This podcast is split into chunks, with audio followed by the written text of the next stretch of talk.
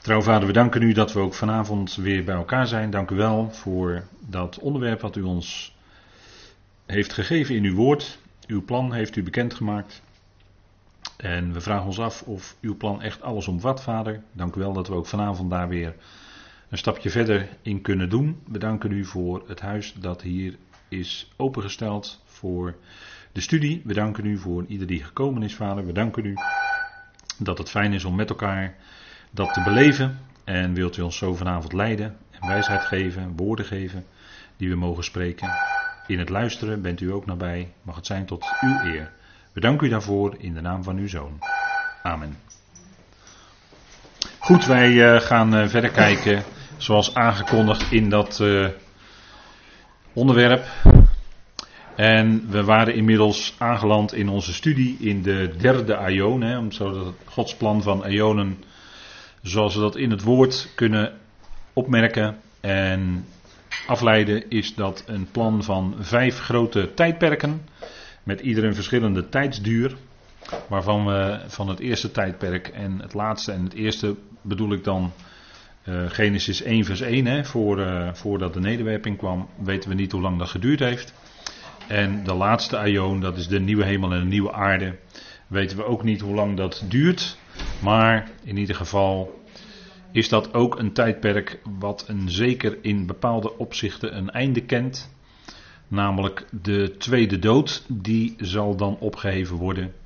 En er zijn ook om dat Nieuw Jeruzalem, zoals u weet, hè, als ik dan denk aan de vijfde aion, dan is daar het Nieuw Jeruzalem, wat uit de hemel op de aarde neerdaalt.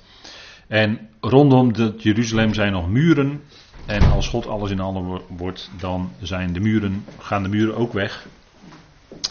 En we zullen wat dat betreft uh, dat nog wel gaan zien in de toekomst. En uh, we zitten dan dus nu in de derde aion. Dus de, dat is de middelste aion in het tijdperk.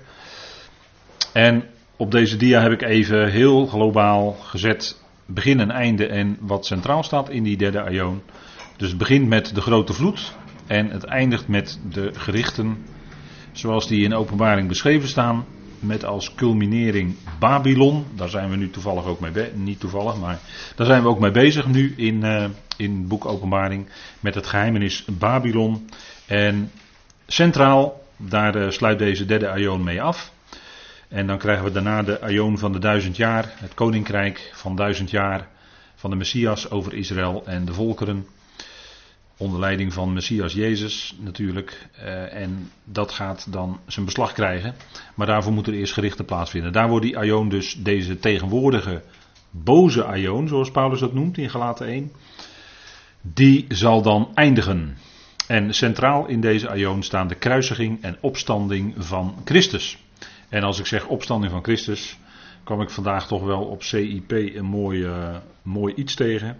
Uh, Andries Knevel, de bekende EO-corrivé, die uh, kwam ronduit uit voor de opstanding van Christus. En hij zegt dat het ook allemaal aantoonbaar is dat het zo is.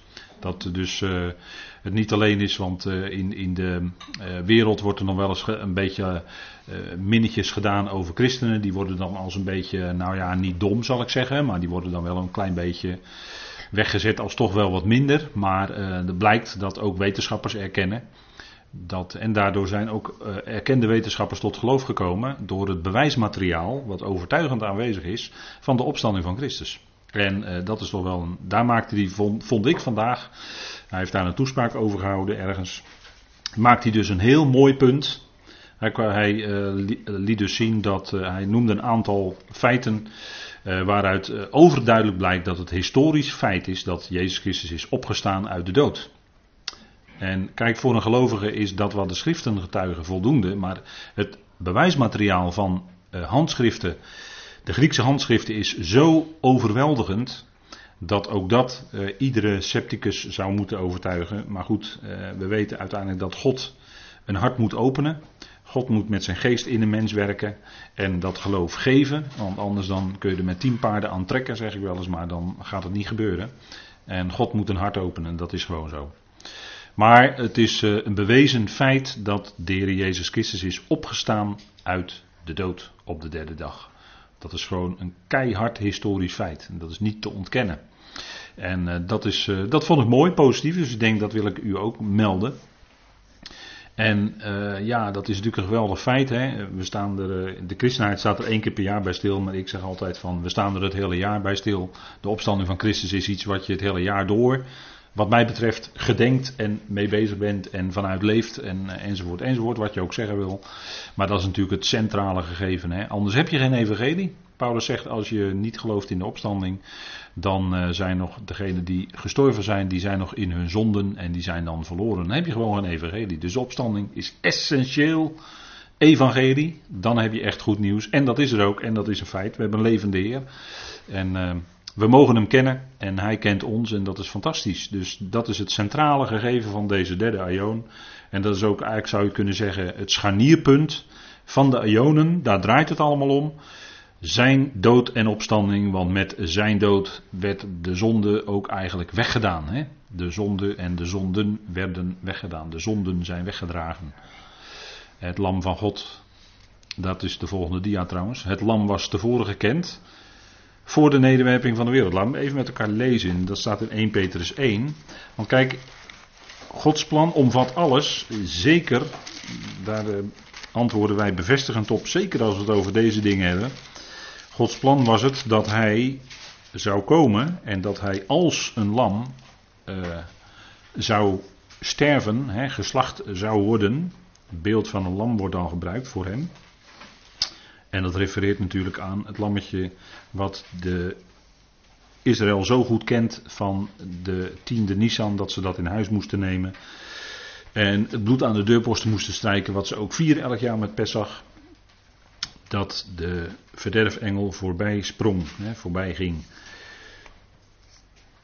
En Petrus die zegt dan tegen zijn medegelovigen uit de besnijdenis, maar in de wetenschap dat jullie niet met, vers 18, 1 Petrus 1 vers 18, dat jullie niet met vergankelijke dingen zilver of goud vrijgekocht bent van uw zinloze levenswandel die jullie door de vaderen overgeleverd is, maar met het kostbare bloed van Christus als van een smetteloos en onbevlekt lam.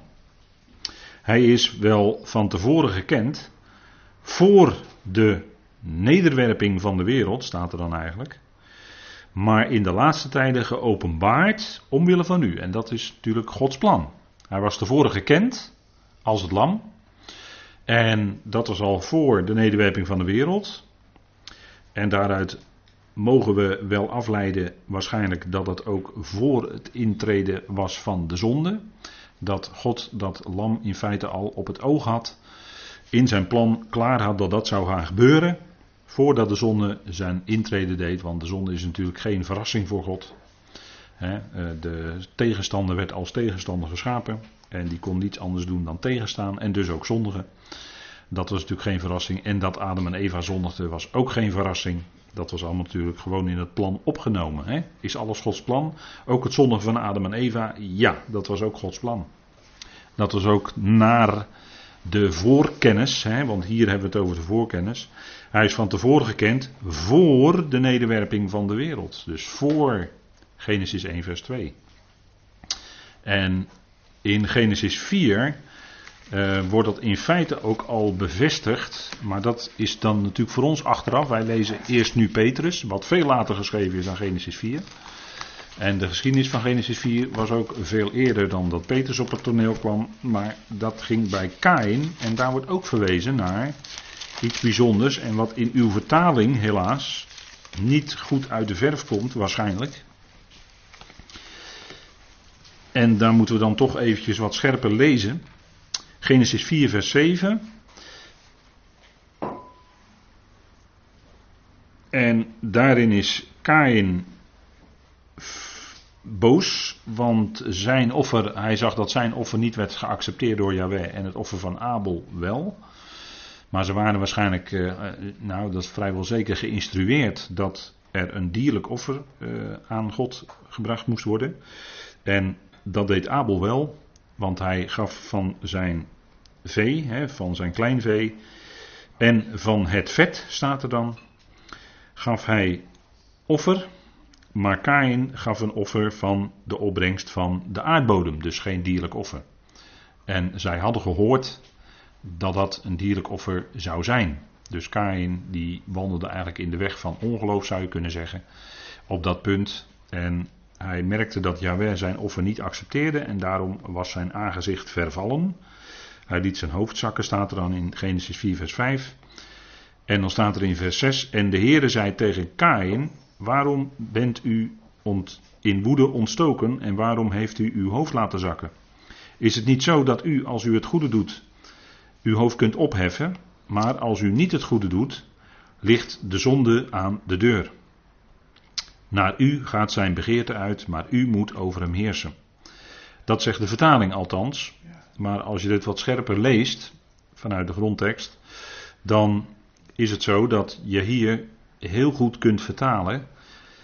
Maar als u niet het goede doet, ligt het zondoffer aan de deur. En de deur is eigenlijk ook een afgeleide woord. Eigenlijk staat er het woord opening. Ligt er een zondoffer, ligt het zondoffer aan de opening. Dus Kain wist dat hij een dierlijk offer kon brengen als zondoffer. Het punt is namelijk dat in het Hebreeuws, het Hebreeuwse woord gata, dat, kan zowel, dat wordt zowel met zonde vertaald, maar ook als zondoffer. Want in de offerdienst van Israël worden in Leviticus voorgeschreven dat er dierlijke offers gebracht kunnen worden. En dan uh, wordt er voor dat dier het woord zonde gebruikt, terwijl je dan duidelijk uit de context moet opmaken dat het gaat om een zondoffer. Dus het woord voor zonde en zondoffer is in het Hebreeuws in feite hetzelfde. En dat is uh, wat hier dan ook aan de orde is. En het punt van, van het begeerte naar u gaat zijn begeerte uit. Daar hebben ze dus helemaal in de trant vertaald van uh, zonde, hè, begeerte. Maar in feite staat er een woord dat uh, meer te maken heeft met herstel.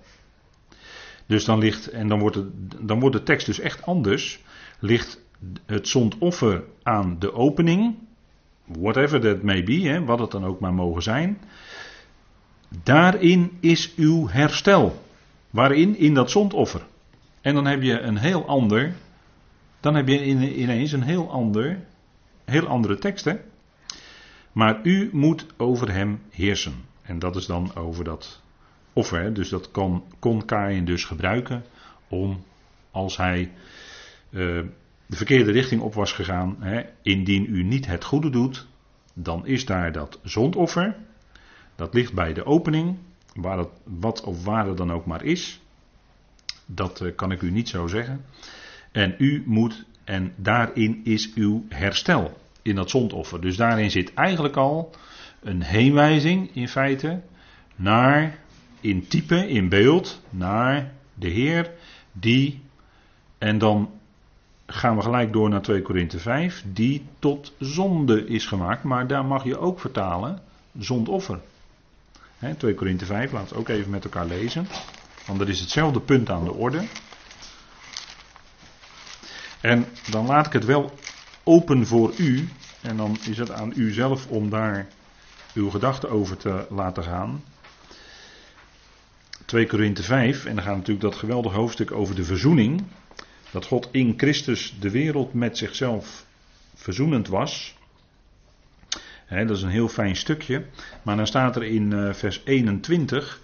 Want hem die geen zonde gekend heeft, heeft hij voor ons tot zonde gemaakt opdat wij zouden worden gerechtigheid van God in hem. En daar zou je ook mogen lezen, zondoffer heeft hij voor ons tot zondoffer gemaakt. En tegelijkertijd blijft dan ook staan dat hij tot zonde was gemaakt, want hij was een vlekkeloos lam, zonder gebrek. En omdat hij dan toch, hoewel zonder gebrek, zonder zonde, toch gekruisigd werd, dat was eigenlijk een zonde. Dat de Heer Jezus gekruisigd werd, was eigenlijk het zondigen van de mensheid. dat ze hem aan het kruis nagelden, dat was volkomen onterecht. Daarmee, daarmee misten zij hun doel, want zij kruisigden iemand die onschuldig was. Dat zei Pilatus toch? Ik vind geen schuld in deze mens. Dat zei hij wel drie keer. En Dat was ook zo. En toch werd hij gekruisigd. En dat was dus een zonde. En tegelijkertijd ook, maar daar is wel verschil in hoor. Tegelijkertijd was het ook een groot kwaad wat werd gedaan door de zondeloze zoon te kruisigen. Dat was ook een kwaad. En nou is zonde en kwaad echt niet hetzelfde. In de schrift wordt daar ook onderscheid in gemaakt. Maar dat hij tot zonde werd gemaakt, mag je hier ook lezen tot zondoffer. Wat volkomen was om de zonde van de hele wereld weg te doen. En dat is ook gebeurd. Dat is ook gebeurd. Op Golgotha is eens en voor altijd. Ja, dat woord probleem kan je eigenlijk bijna niet noemen. Hè? Is het probleem, want voor God was het ten diepste geen probleem. Maar werd dat dus weggedaan. Weggedaan. Dat moest gebeuren. En zo werd hij tot zonde, maar je mag ook zeggen tot zondoffer gemaakt. En daarmee, dat is, het, dat is het, het, het bijzondere hoe God dat dan in zijn plan doet. Hij heft de zonde op door een andere zonde. En dan is het vereffend, dan is het weg. Dat is het bijzondere, hè? dat is iets heel bijzonders als je dat gaat zien. En zo was het bij Kain al. Kain betekent hij die zich iets verwerft of die verworven is. En Kain die laat eigenlijk zien, dat is de lijn die al sinds prille begin, Abel en Kain, uh, voor Abel kwam Zet in de plaats, maar dan heb je de lijn van Abel Zet is de lijn zeg maar, van onderschikking, van het geloof. En de lijn van Kain is de lijn die zijn eigen weg gaat en die uiteindelijk uitmondt ook. Uh, dezelfde lijn zie je ook bij Babel. Kain was de eerste die een stad bouwde. Om voor zichzelf een bescherming uh, als het ware op te, op te werpen. Zodat hij beschermd zou worden tegen eventuele wraken enzovoort. Omdat hij zijn broer had gedood. Maar bezig met zichzelf een naam te maken. In feite, daar was Kain al mee bezig. Eigen werken, stad. En dat geldt ook voor Babel, Nimrod. Dat is dezelfde lijn. Zichzelf een naam willen maken, zichzelf iets opbouwen. En uh, liefst een top maken tot in de hemel aan toe. dat, is, uh, dat is helemaal het streven van Babel. Nou, dat was bij Kain in feite al aanwezig. En Kain is daar ook in een beeld van het Israël, in het ongelovige deel van Israël. Wat zelf zich een plaats wil verwerven. Wat zelf alles wil doen, oplossen enzovoort. Wat zelf zich een plaats in de wereld wil verwerven. Um, en die lijn die zal op een gegeven moment door God eh, weggedaan worden. En hij zal uiteindelijk wel herstel geven in de opstanding. En dat zal zeker gelden voor zijn volk, want hij heeft zijn volk niet verstoten. Maar daar waar het gaat om het ongeloof, dat doet hij weg. Zondoffer, Kain, bepaalde lijn hè, is dat. Maar dat, ik denk dat je dan zo'n tekst, Genesis 4 vers 7, anders leest. Want dat is uh, vanuit het Hebreeuws, uh, is dat toch wel wat anders uh, weer te geven dan dat de vertalers hebben gedaan. Hè, met een bepaalde gedachte van zonde en begeerte en daarachter ook schuld natuurlijk. Um, maar dat is wat, wat niet zo direct uit die tekst uh, naar voren komt. Nog een punt over die kruisiging. Daar zijn we de vorige keer ook vrij uitgebreid mee bezig geweest. Uh, u ziet hier de foto met de vijf kruisen. Dat is Saint-Ouen, als ik het goed zeg, in Frankrijk. En er zijn meer plaatsen in Frankrijk waar die vijf kruisen staan. Dus die waarheid is uh, meer bekend. Die is niet alleen uh, door schriftuitleggers gevonden, maar kennelijk ook wel meer bekend geworden. En hier ziet u dan een voorbeeld dat er vijf kruisen staan opgesteld. Hè. Zo zijn er wel meer, ook in Frankrijk en ik meen ook wel in Engeland te vinden. Maar hij werd gekruisigd, die ene met die vier anderen, dus twee rovers en twee misdadigers, hebben we de vorige keer gezien. En dat was naar de bepaalde raad en voorkennis van God. En dat heeft natuurlijk alles te maken met ons onderwerp Gods plan. Dat omvatte Gods plan ook. Dit moest gebeuren. Laten we het even opzoeken met elkaar. Petrus getuigt ervan op de Pinksterdag. Handelingen 2. En dan spreekt hij de menigte toe daar in Jeruzalem.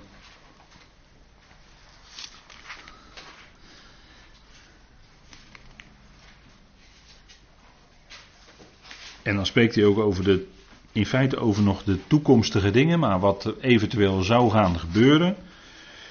Waar, waarover gesproken is door de profeet Joël, dat de geest uitgestort zou worden dat er wonderen zullen zijn, tekenen, bloed, vuur, rookwalm.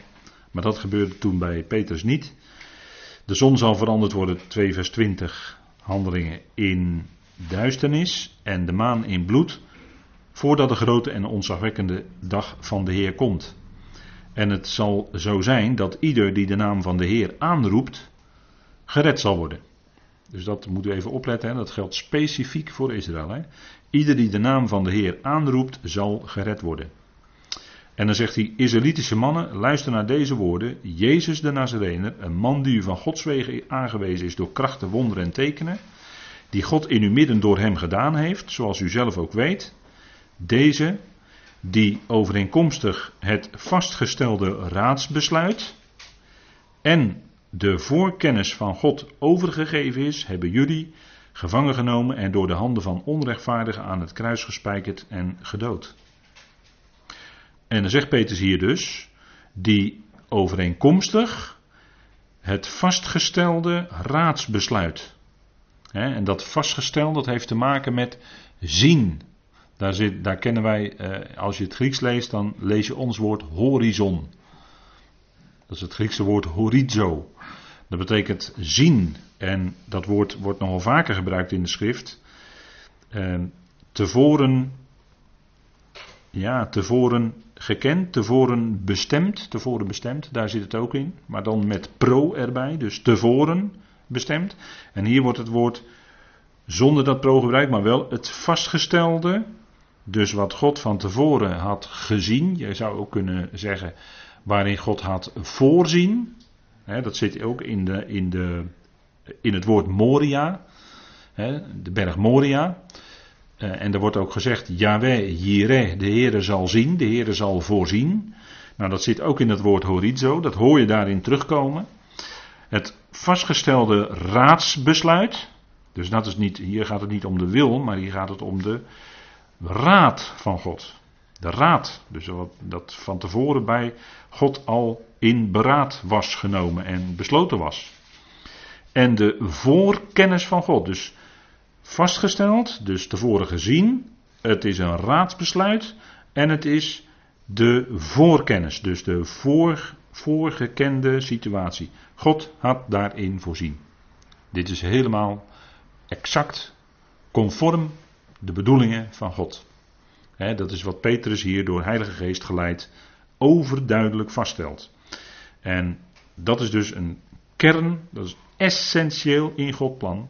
En dan natuurlijk vers 24 erbij. God heeft hem doen opstaan door de weeën van de dood te ontbinden, omdat het niet mogelijk was dat hij daardoor vastgehouden zou worden.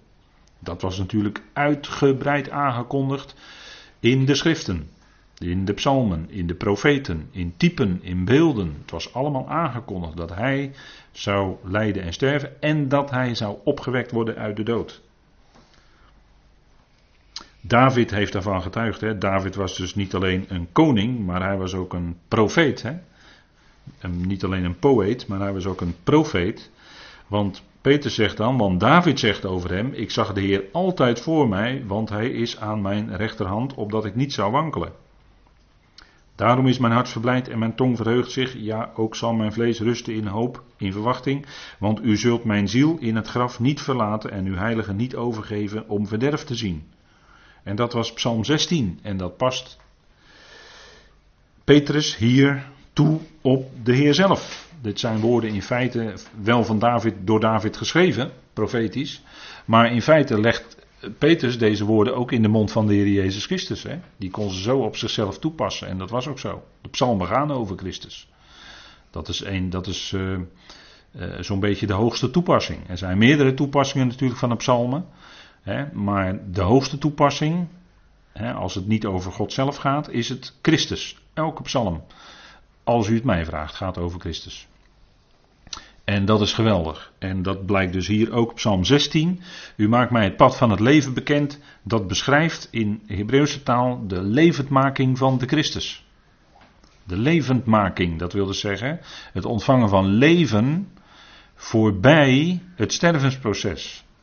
Dat is het tegenovergestelde van het stervensproces, hè? dat woord levend maken.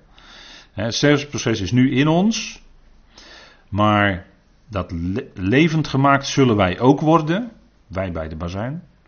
En dan is het een nooit eindigend levensproces wat in ons dan in werking is gezet. En ook in al diegenen die eerst ontslapen waren in Christus. Die gestorven zijn in Christus. Alle gemeenteleden. Die zullen dan ook de gestorvenen. En als wij dat moment bij leven mogen meemaken. Zal het ook ons gebeuren. Dan worden we allemaal levend gemaakt. Dus een nooit eindigend levensproces. En daar heeft Paulus het over in 1 Korinthe 15. tegenover de sceptici die zeiden dat er geen opstanding is, of dat de opstanding in het verleden al plaats had gehad, maakt Paulus bekend de levendmaking van alle mensen. Alsjeblieft. dat is nogal een statement hoor.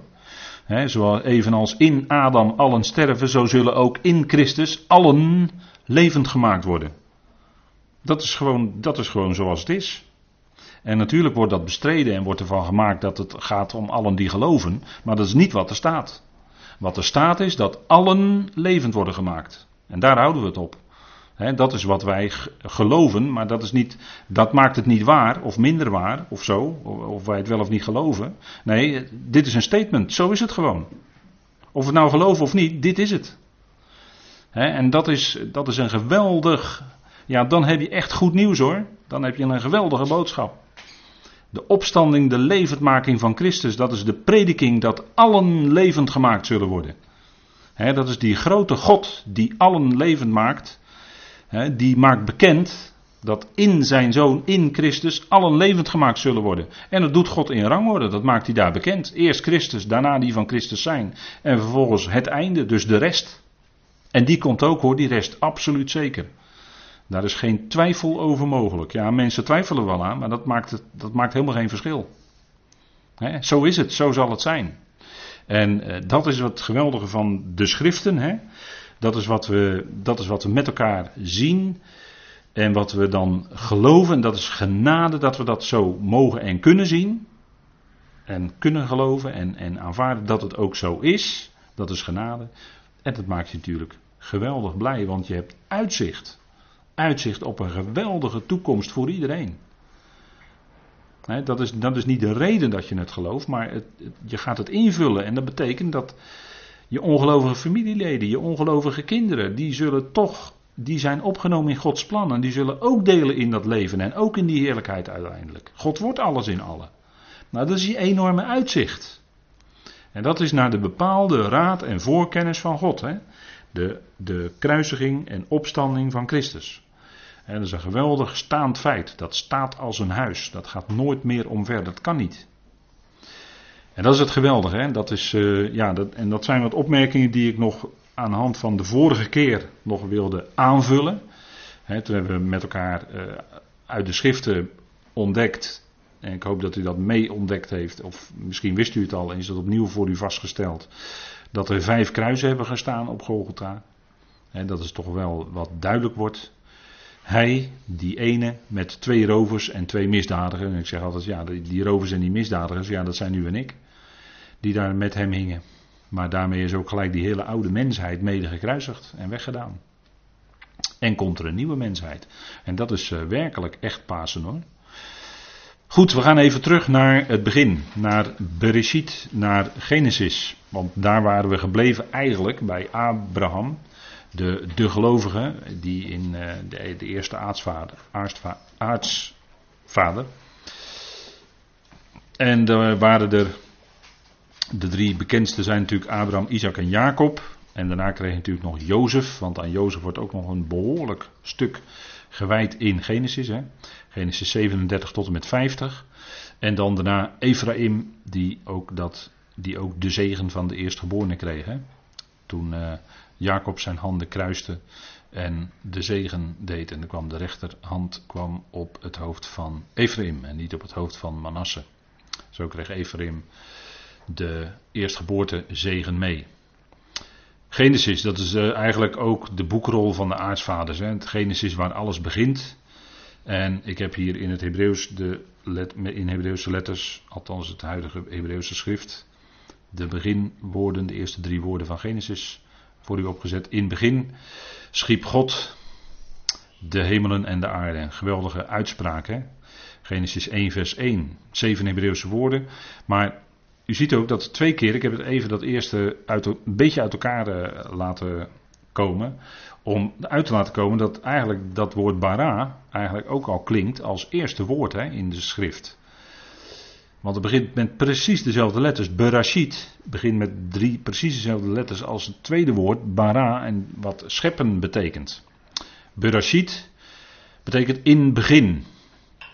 En dat is eigenlijk, um, het, ja, Gods woord begint met een beet, hè, met de letter beet. Dat is de tweede letter van het uh, alfabet.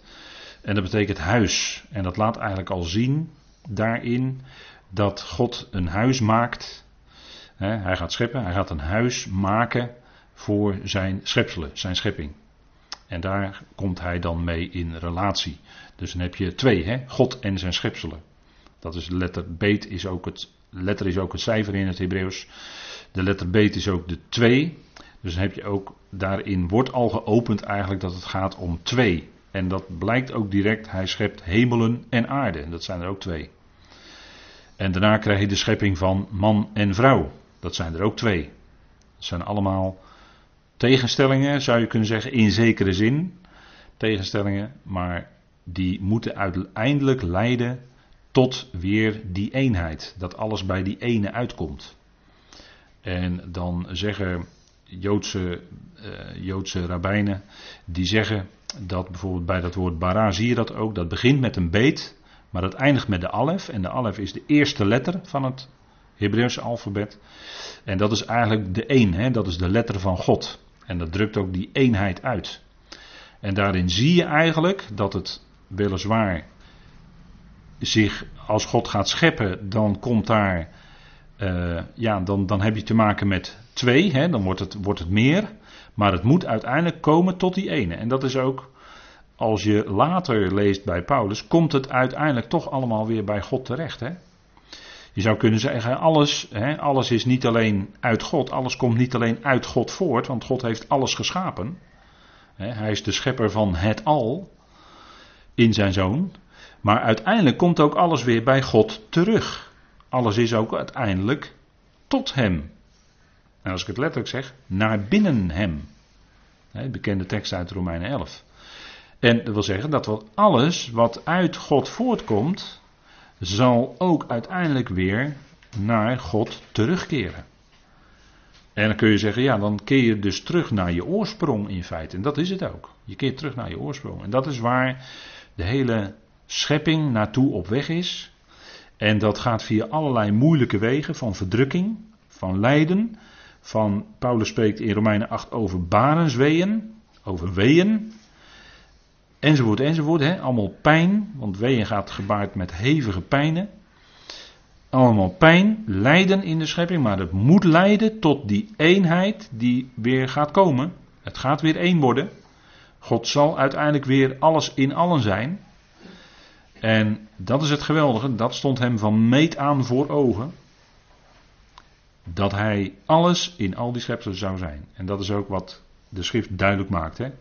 En dat is het geweldige. En dat zie je eigenlijk al. En zo zeggen de rabbijnen dat dan. Dat zie je dan eigenlijk al in dat woord scheppen, bara.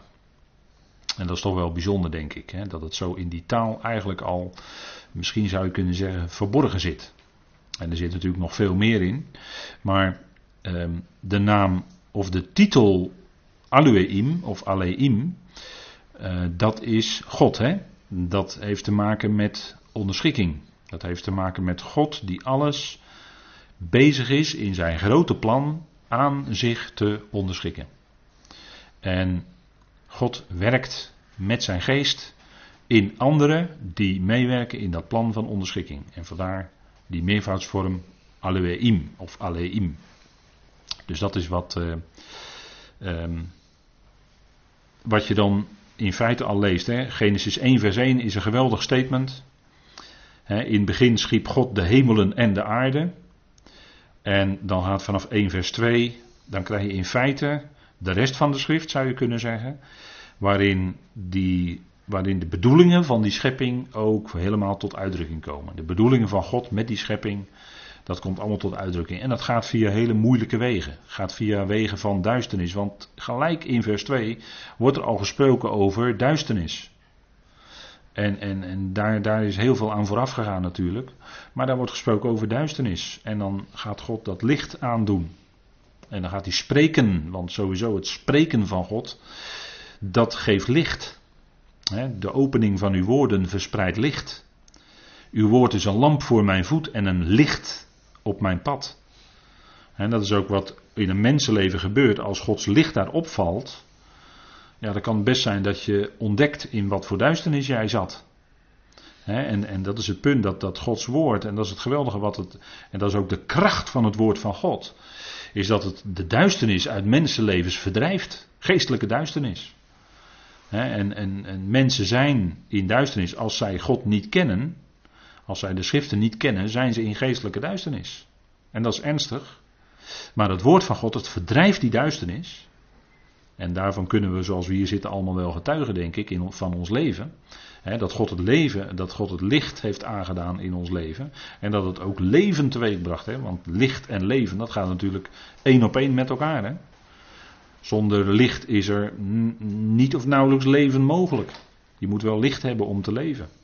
Zie je ook in het voorjaar, als er meer licht komt, dan gaan, dan gaan de bomen weer bloeien en dat is uh, heel mooi, is bijvoorbeeld uh, de amandelboom. Daar ging vandaag het dagstukje over. De amandelboom, als, dat is de, en dat is, dat is ook de, de menorah. Menorah is ook een amandelboom in feite. Maar de amandelboom is de eerste in, daar in Israël die gaat bloeien. Dat is, en dat noemen ze ook wel, dat heeft in het Hebreeuws, heeft ook een verband met het woord voor waken. En um, als de natuur gaat ontwaken, dan is die amandelboom de eerste die gaat bloeien en bloesems gaat zetten. En dat, dat beeld gebruikt de Heer ook bij Jeremia.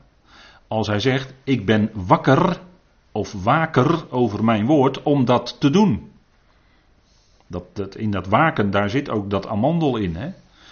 En dat is wat ook die functie is van die menorah in, de, in het heilige van de tabernakel en van de tempel. En er staat een schitterende menorah nu, vlakbij het Tempelinstituut in de straat in Jeruzalem. Ik heb daar een paar keer met volle bewondering naar zitten kijken. maar dat is een schitterend eh, ding, van goud gemaakt. Maar daar gaan ze olijfolie in doen als straks die tempeldienst hersteld gaat worden. En dan gaat dat licht geven, want het gaat aan, het gaat licht geven in dat heilige. En dat doet dus de amandelboom, want dat, zegt, dat spreekt van het woord van God, wat licht is in die tabernakel, in die tempel, maar ook in de tempel van ons lichaam. Is ook dat licht aangedaan. Hè? Dat zijn natuurlijk beelden die je zo kan doortrekken. En dat, dat licht van God is aangegaan van binnen in ons. Hè? Hij heeft, eh, dat licht van het evangelie schijnt, is gaan schijnen in ons duister hart, zegt Paulus in 2 Korinthe 4. Dat, dat is hetzelfde. Hè? Zijn woord, dat verdrijft, hè? dat licht verdrijft de duisternis. Ja, dat is geweldig. Want dan krijg je zicht op God. Dan krijg je zicht op hoe het zit met zijn plan. En dan ga je ook anders kijken naar mensen. En dan ga je ook anders, daar, daarvan uit ga je ook anders om met mensen. Dat is dan de vrucht hè, daarvan. Dat je in liefde met mensen kan omgaan. Belangeloos. Zonder, dat je, zonder dat je wil profiteren van iemand anders of wat dan ook. Gewoon liefde betonen. De ander willen helpen. Zonder, zonder bijbedoeling of wat dan ook. Dat soort dingen dat, is, dat is dan de vrucht van het evangelie in ons leven. Nou, dat is denk ik geweldig. Hè? God is licht, zegt Johannes ook. Hè? God is licht en in hem is er in het geheel geen duisternis. dat is het geweldige. Hij doet het licht aan. Hij, hij is zelf het licht. En zei Jezus ook van zichzelf: Ik ben het licht van de wereld. En dat is ook uh, wat hij doet. Hij verdrijft de duisternis. Nou, we gaan even kijken naar Genesis. Hè. We waren in Genesis nog. En ook die opvallende, vind ik toch wel opvallende verhouding 1 staat tot 4. 1 staat tot 4, wat we ook bij het kruis zien. Dat die ene, de Heer, met die vier anderen. Maar die vinden wij ook al in Genesis terug. Bij die ene stroom in, eh, vanuit Eden, zeg maar. En dan komt er zo'n één stroom. En die mondt dan uit in vier rivieren. Dat is ook wel weer merkwaardig. Hè? Toch weer die ene. Het komt uit die ene, maar het mondt uit in vier. En, en vier dat heeft eigenlijk te maken met de hele aarde, met de hele wereld. De vier hoeken van de aarde, de vier windrichtingen, eh, noem alles maar op. Maar vier heeft in de schrift ook te maken En dan zeg ik het even beknopt, maar dat heeft ook te maken met uh, dat wat vergankelijk is, dat wat voorbij gaat, dat wat uh, niet blijvend is, dat wat sowieso voortdurend verandert, maar dat wat ook vergankelijk is. Hè, en vier heeft ook, of vier, ja, in het Hebreeuws heeft dat ook te maken met water onder andere, maar dan is het eigenlijk iets meer, 40, maar dan heeft het te maken met wateren en wateren. dat heeft ook te maken met als het gaat om, om, om, dat, om dat woord of om die letter, dan gaat het ook, heeft het ook te maken met de tijd die voorbij stroomt. Net zoals water steeds maar voorbij stroomt, altijd in beweging is, zo gaat de tijd ook steeds verder, hè, de wateren van de tijd. Maar die ene stroom die mondt uit dan in vier stromen.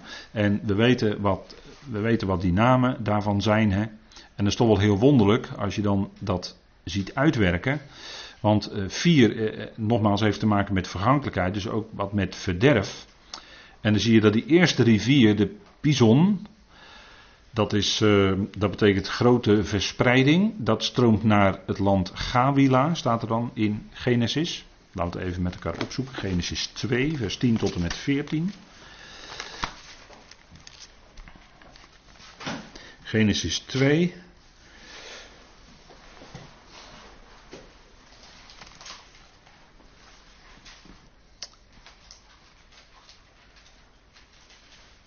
En er is daar vlak voor gesproken over de boom van het leven en de boom van kennis van goed en kwaad. En ook daarin zit op een hele bijzondere manier ook weer die verhouding 1 staat tot 4. Maar goed, daar ga ik nu niet op in. Maar in ieder geval lezen wij in vers 10: Een rivier kwam voort uit Eden om de hof te bevochtigen. En Eden is dan eigenlijk het Hebreeuwse woord voor weelde. Hè? Het woord Eden is weelde eigenlijk. Dus het kwam voort uit een bepaalde plaats en in het algemeen stroomt de rivier natuurlijk van boven naar beneden. Dus kwam het mogelijk, is daar een berg geweest. Dat zou kunnen, dat veronderstelt men. Om de hof te bevochtigen en vandaar splitste hij zich en vormde de vier hoofdstromen. De naam van de eerste rivier is Pison. Die is het die rond heel het land van Havila stroomt waar het goud is. En als je dan verder kijkt in de schrift Havila, dan kom je terecht bij Amalek. En Amalek, dat is een uh, bekende. Dat is de, een van de aardsvijanden van Israël. En dat geldt eigenlijk ook voor die anderen hoor, die uh, nog genoemd worden. Maar Amalek is bijvoorbeeld uh, Haman. Haman was een Agagiet, staat er hè, in Esther. En Agag, dat was een Amalekiet. Dus, uh, dus Amalek is een van de aardsvijanden van Israël. He, dat, uh, dat staat ook in Exodus. Hè. Ik meen Exodus 17, als ik het goed uit mijn hoofd zeg. Daarin staat dat de Heere een, een strijd heeft van geslacht tot geslacht met Amalek. En Amalek is eigenlijk een beeld van ja, meerdere dingen. oude mens, het vlees, vijandelijke machten. Hoe moet je het noemen? Maar de Heer heeft een strijd van geslacht tot geslacht met Amalek. En sommige uitleggers die veronderstellen dat later ook de wetteloze voort zal komen uit Amalek. En dat zou heel goed kunnen, want hij zal een enorme hater zijn van Gods volk. Dus dat mondt uit in een, uh, waar uh, vijanden van Israël wonen. En dan de volgende, dat is Kush.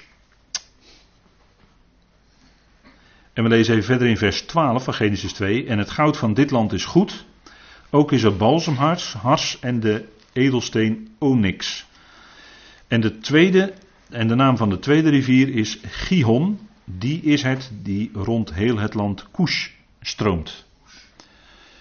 En Gion, Gigon of Gihon betekent stroom of stromend.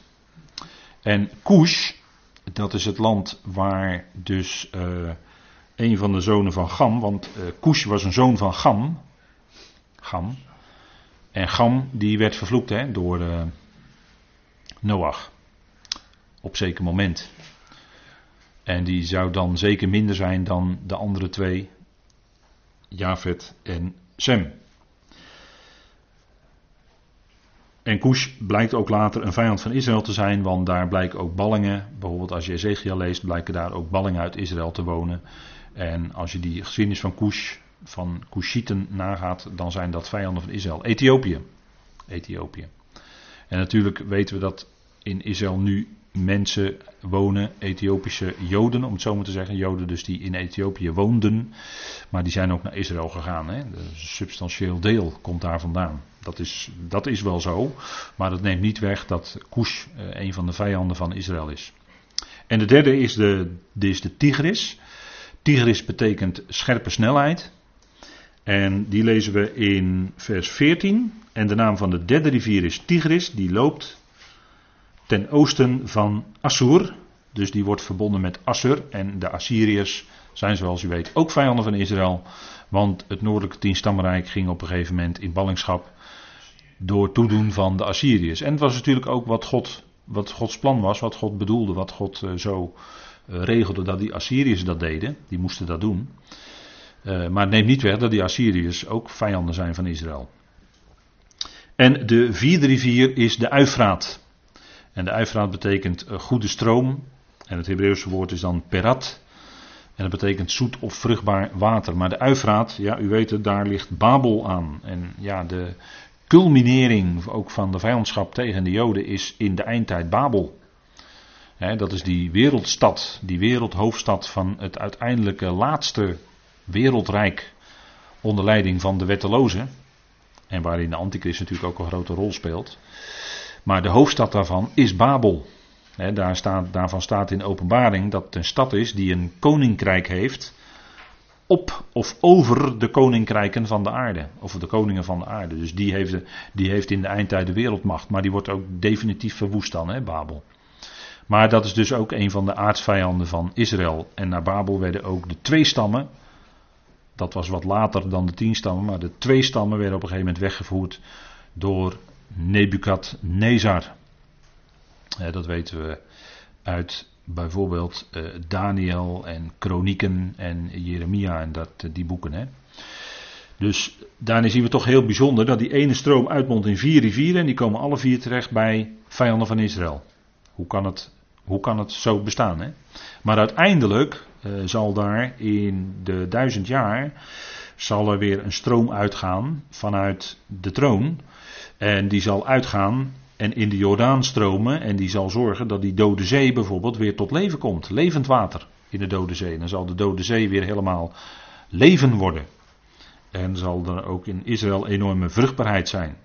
En Ezekiel 47 spreekt er dan over dat, en dat geldt uh, ook op de nieuwe aarde, maar als je Ezekiel 47 leest, dan kun je bijna niet aan de indruk onttrekken dat het ook zo zal zijn op de, in de duizend jaar.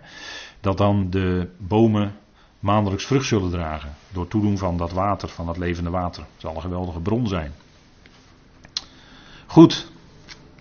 Dat nog even over de verhouding 1 staat tot 4, wat we dus heel vroeg in de schrift al tegenkomen.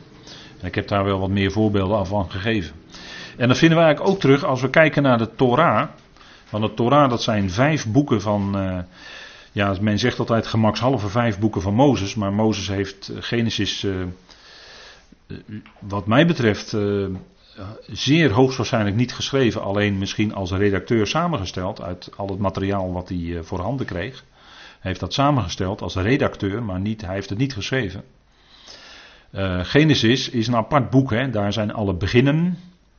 En dan staat hij eigenlijk naast die andere vier, die spreken over de verdere historie van het volk Israël, wat in verdrukking kwam in Egypte. En als, uh, ja, met, met Egypte, dat kan ook bijna niet anders, dan, dan kom je in de verdrukking. Egypte is wat dat betreft in de schrift altijd een uh, beeld van onderdrukking, van verdrukking, van gebondenheid. Niet vrij zijn en dat God zeker voor, uh, dat God zeker voor Israël toen het zich ontwikkeld had tot volk in het land Gozen. En later verdrukt werd door de farao. Maar eh, ook al eerder, als Abraham op een gegeven moment eh, door een bepaalde situatie naar Egypte gaat, dan gaat zijn zoon Isaac doet eigenlijk hetzelfde, maar dat wordt een belet. Wordt geadviseerd om niet naar Egypte te gaan. dat, omdat het nu eenmaal zeker voor Israël niet het beloofde land is. Canaan was het beloofde land, niet Egypte. En Egypte heeft te maken met de uh, ja, onderdrukking, slavernij. Hè, de, het, het, maken van tichel, het maken van uh, tichelstenen, hè, het bakken van, uh, van allerlei stenen. dus zelf, zelf stenen bakken enzovoort. Dat heeft te maken met slavernij. Is eigenlijk een uitbeelding, een type van de slavernij onder de wet. wat Israël later ook zou gaan meemaken. dat is, eh, maar we zien dus in die eerste vijf boeken, de Torah, de onderwijzing, zien we eerst Genesis. Dat, dat is eigenlijk, ja, eigenlijk zou je beter de Hebreeuwse titels aan kunnen houden, want wij hebben allemaal Griekse titels: Exodus, Leviticus, Numeri, Deuteronomium. Maar eigenlijk is het Berashit in begin, Shemot, dus de namen, hè, dit zijn de namen, Exodus, al diegenen die uittrokken uit Egypte en met een naam noemen, dat is heel sterk binnen het Jodendom aanwezig en dat is, dat is ook heel goed. Dat, daar leer je veel van, die, die willen die namen in herinnering houden. Er is nu ook weer gedoe over een monument van, waar alle namen op komen te staan. Die bakstenen liggen al klaar, maar er is heel veel gedoe over voordat het eindelijk eens een keer uh, gezet kan worden waar eh, ruim 100.000 namen op staan van Joden die weggevoerd zijn uit Nederland eh, naar, via Westerbork naar de gaskamers. Via de Nederlandse spoorwegen die als een vlekkeloze dienstregeling dat hebben gedaan. En dat zeg ik met verdriet in maart hoor, deze zin. maar meer dan 100.000, dat is dus qua procenten het meeste van de landen van Europa. En ik moet me nu inhouden, anders zou ik nog meer dingen gaan zeggen. Maar dat, dat lijkt dan. Ja, dat lijkt dan misschien een bepaalde kant op te. Dus dat zeg ik dan maar niet. Maar. En, en ook alleen al het feit al dat er zoveel gedoe is om zo'n monument in Nederland te kunnen oprichten. Dat vind ik ook al kwalijk eigenlijk. Dat moet gewoon ruim baan voor zijn. Dat moet gewoon in één keer geregeld kunnen zijn, zoiets. we moeten niet na 70 jaar vergeten zijn wat er toen gebeurd is. Maar meer dan. Dit zijn de namen. Die namen worden. Er worden ook heel veel namen genoemd van, van mensen die uit Egypte zijn uitgetrokken. Hè. En, en, daar gaat Exodus over. Het is natuurlijk een boek van. Uh, niet alleen van de verdrukking. De enorme verdrukking onder de farao. Maar ook van bevrijding. Hè, van verlossing. Het lied van Mozes. Hè, Exodus 15. Geweldig. En dan Leviticus, de afzondering. Hè, Leviticus is eigenlijk ook uh, kun je zeggen, ja, dat is een hele verzameling wetten. Maar kijk, iemand wees er een keer op dat de, de, de kern van de hele Torah is het midden van Leviticus. En dat is het hoofdstuk over Grote Verzoendag. Dat is het hart van de Torah. Grote Verzoendag. Waarop het volk weer één jaar, de zonde, ik weet het, werden de zonden bedekt of beschermd. Weer één jaar. En dat moest steeds herhaald worden, natuurlijk. Het is allemaal type. Maar toch, Grote verzoendag, dat is het hart van de Torah. Dus dan kan je zien, daarin kun je toch iets aflezen van het hart van God, van Yahweh, wat mij betreft. Hij roept, dat betekent het eigenlijk, Wajikra, en hij roept. Hij roept de mens. En God is geen God die de mens eh, voor eeuwig verstoot. Nee, God is een God die de mens lief heeft. Je, je, komt ook in de Torah heel veel aspecten tegen waaruit de liefde van God voor zijn volk, voor zijn uh, dieren, voor, uh, voor de schepping blijkt.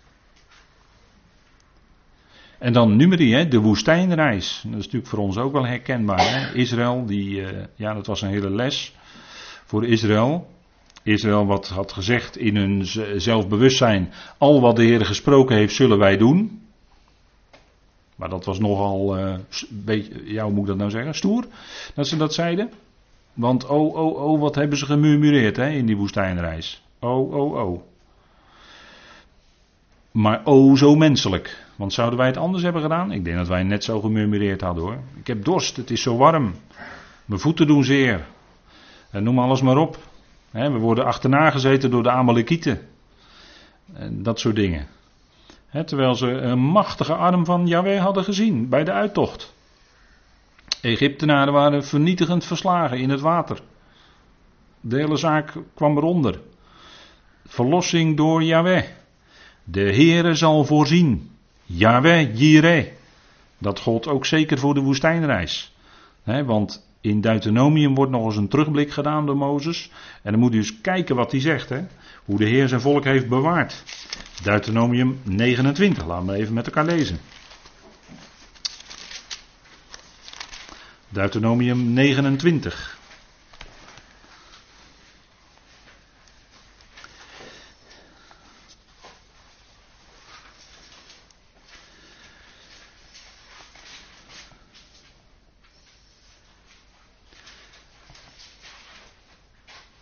En dan weet u hè, dat Mozes die mocht uh, niet, ja, Mozes mocht niet in, de, in, de, in, de, in het beloofde land komen. Hè. Hij mocht niet verder komen dan Moab. Moab. Ja, hij mocht niet verder komen dan dat punt. Hè.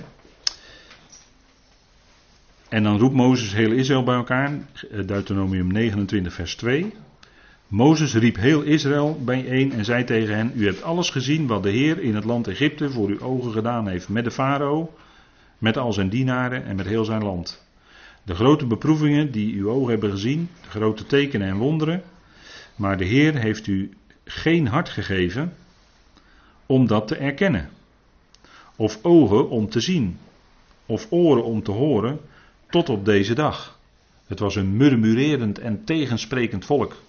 En Mozes stelt hier vast dat het dus het werk was van Yahweh, dat hij hun nog geen hart had gegeven om dat te erkennen. Of ogen of oren. Dus de Heer moet ogen openen, de Heer moet de oren openen, de Heer moet het hart openen. En dan ga je het pas erkennen, zegt Mozes hier ook. Hè? Tot op deze dag. Ik heb u veertig jaar door de woestijn laten gaan. Uw kleren zijn daarbij niet versleten. En uw schoenen zijn niet versleten, hè, uw schoenen of sandalen, wat het dan ook maar was, zijn niet versleten aan uw voeten. Brood hebt u niet gegeten en wijn en sterke drank hebt u niet gedronken, opdat u zou weten dat ik, de Heere, jullie God ben. Hij had ze bewaard. Kleren waren niet versleten, schoenzolen sleten niet. En normaal gesproken in het zand gaat dat best wel. En in die stenen allemaal. Scherpe stenen, zand enzovoort.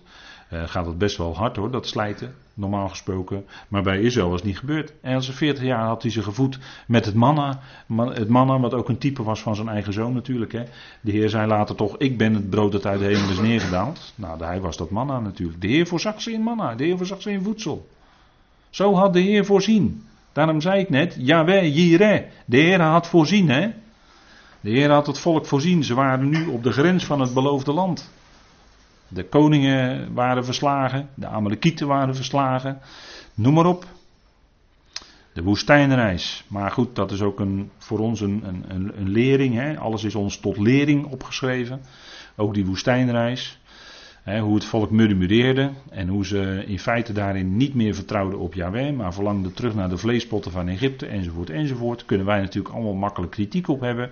Maar als jij in die situatie was geweest, had je ook net zo meegedaan. Want we zijn, we zijn net mensen.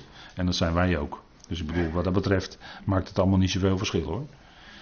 Maar onder leiding van Mozes kwamen ze toch tot aan de grens van het beloofde land. Hè. En dan mag Jozua, de zoon van Noen, die mag ze dan in het beloofde land brengen. En dat is eigenlijk prachtig hè. Jozua, die in zijn naam ook een geweldig type is van Christus. Hè. Jehoshua. Daarin hoor je Yeshua. Dat is in feite ook dezelfde naam. Hè. Ja is redder, betekent dat. En dat blijkt ook bij Jozua zo te zijn, want dan trekken ze onder zijn leiding het beloofde land in. En dat is natuurlijk ook weer een uitbeelding van Israël, wat straks onder leiding van de grote Jozua het beloofde land in zal trekken. En dan zal de Heer zijn koninkrijk oprichten. En zal hij als eerste natuurlijk zijn oogappel, zijn eigen volk Israël, redden. En dat zal hij zeker doen in die, in die tijd. En dan zal het ook hard nodig zijn. Ze zullen geen kant meer op kunnen, maar dan zal die er ook zijn. Goed, ik stel voor dat we even met elkaar pauzeren.